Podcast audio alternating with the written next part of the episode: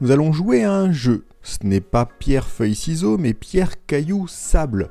Bienvenue, vous êtes sur le podcast J'ai pas le temps pour ça, présenté par Eric Boucher, où nous évoquons des méthodes, des outils, des trucs, des astuces pour être plus efficace au quotidien et être plus tranquille en fin de journée. De quoi parlons-nous aujourd'hui Pierre, caillou, sable, de quoi s'agit-il? Il, s'agit d'une métaphore popularisée par Stephen Covey et dont j'ai retrouvé la trace dans le livre La 25e heure, proposé par Guillaume Declerc, Baudine et Jérôme Dumont. Vous avez peut-être déjà vu ces vidéos inspirantes euh, sur euh, YouTube, Facebook ou autre où on voit un professeur mettre des cailloux dans un pot en verre et essayer de trouver quel est l'ordre le plus pertinent.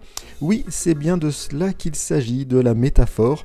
Les cailloux représentant nos tâches, les cailloux, les pierres et le sable, et euh, cette jarre représentant le temps que nous allons avoir, la capacité que nous allons avoir nous à prendre un certain nombre de choses.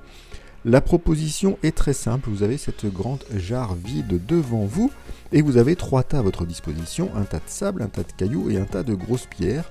Et votre mission, c'est de mettre le maximum de choses à l'intérieur de la jarre. La question étant très simple, dans quel ordre allez-vous les mettre? Et euh, la logique dans cette histoire-là, je vous dévoile la fin, c'est qu'on va commencer par mettre les gros cailloux au fond, puis donc les grosses pierres en l'occurrence, puis les cailloux, puis le sable.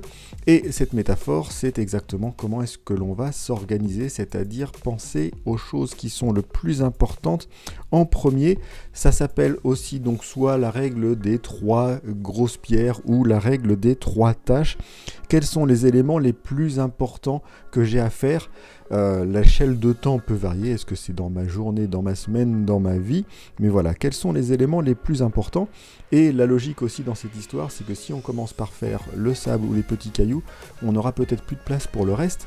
Euh, on retrouve cette même logique, on en reparlera sans doute dans un autre épisode, avec la proposition de Brian Tracy qui s'appelle Manger la grenouille, Eat That Frog, où il propose également de commencer par les choses les plus pénibles au début aussi parce que potentiellement c'est là où vous aurez encore le plus d'énergie pour y arriver et que une fois que vous aurez fait le plus pénible, le reste de la journée passera tranquillement.